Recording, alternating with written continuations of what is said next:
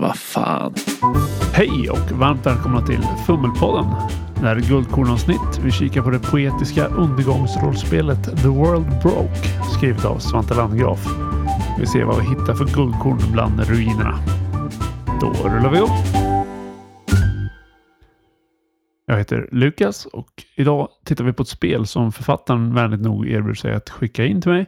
Men jag hade redan köpt det direkt när det kom ut.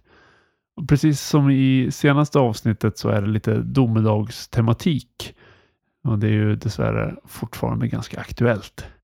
Spelet heter The World Broke, skrivet av Svante Landgraf, utgivet av Kaleidoskop.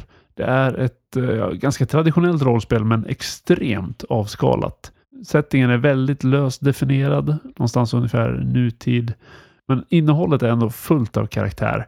Melankoliskt drömmande och lite surrealistiskt.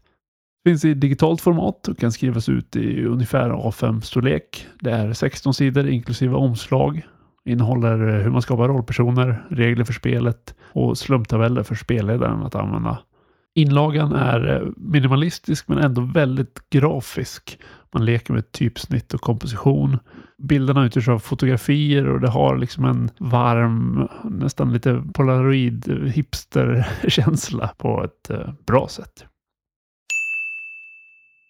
Första guldkornet är spelets hängivenhet till minimalism. Så gott som allt innehåll är punktlistor eller tabeller. Det finns inget vad är ett rollspel? Bara en rad om att du vet ungefär hur det här funkar.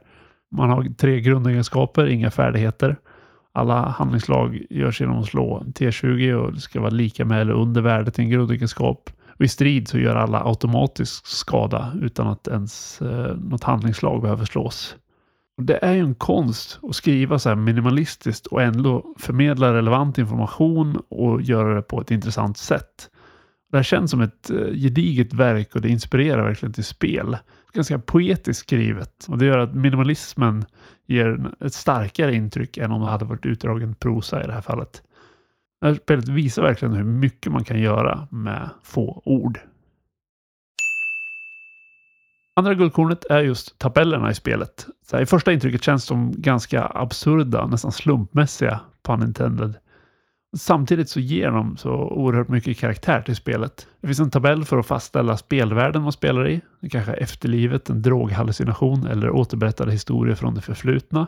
Det finns en tabell för vad som händer när man tar droger. Det finns någon tabell för vem man möter på vägen. Kanske en poet, en grupp flyktingar eller ett turnerande rockband vem som bestämmer över staden, om det är vattenklanerna, gudsmaskinen eller bedrövliga änglar. Och det här är bara några exempel på tabeller och tillsammans målar alla de här tabellerna och resultaten upp en påtaglig spelvärld, om än en väldigt drömsk sån. Och tabellerna är helt enkelt spelets setting och det är också en stor del av hela spelet. Det är väldigt effektfullt genomfört. Som tredje guldkorn tänkte jag först ta utseendet, för det är ett väldigt snyggt spel med kreativ formgivning. Men jag tror att ett ännu tydligare guldkorn är spelets frö. Det är skrivet under 2020 när covid-pandemin började härja. Det var ett värdelöst år på många sätt. mycket oro, förvirring, lidande och tristess. Och alla har liksom påverkats på något sätt. Och Svante har ju tagit alla de här känslorna och gjutit in dem i ett rollspel han beskriver själv spelet som lite terapi och lite poesi. Och rollspel är ju mer än bara regler och världsbygge. Och det känns när det finns någonting mer bakom. Ett budskap, en känsla eller någonting. Det gör spel till något mer än bara text och mekanik. Även om 2020 var ett riktigt skräpår så resulterar det i alla fall i The World Broke. Och det är en liten tröst åtminstone.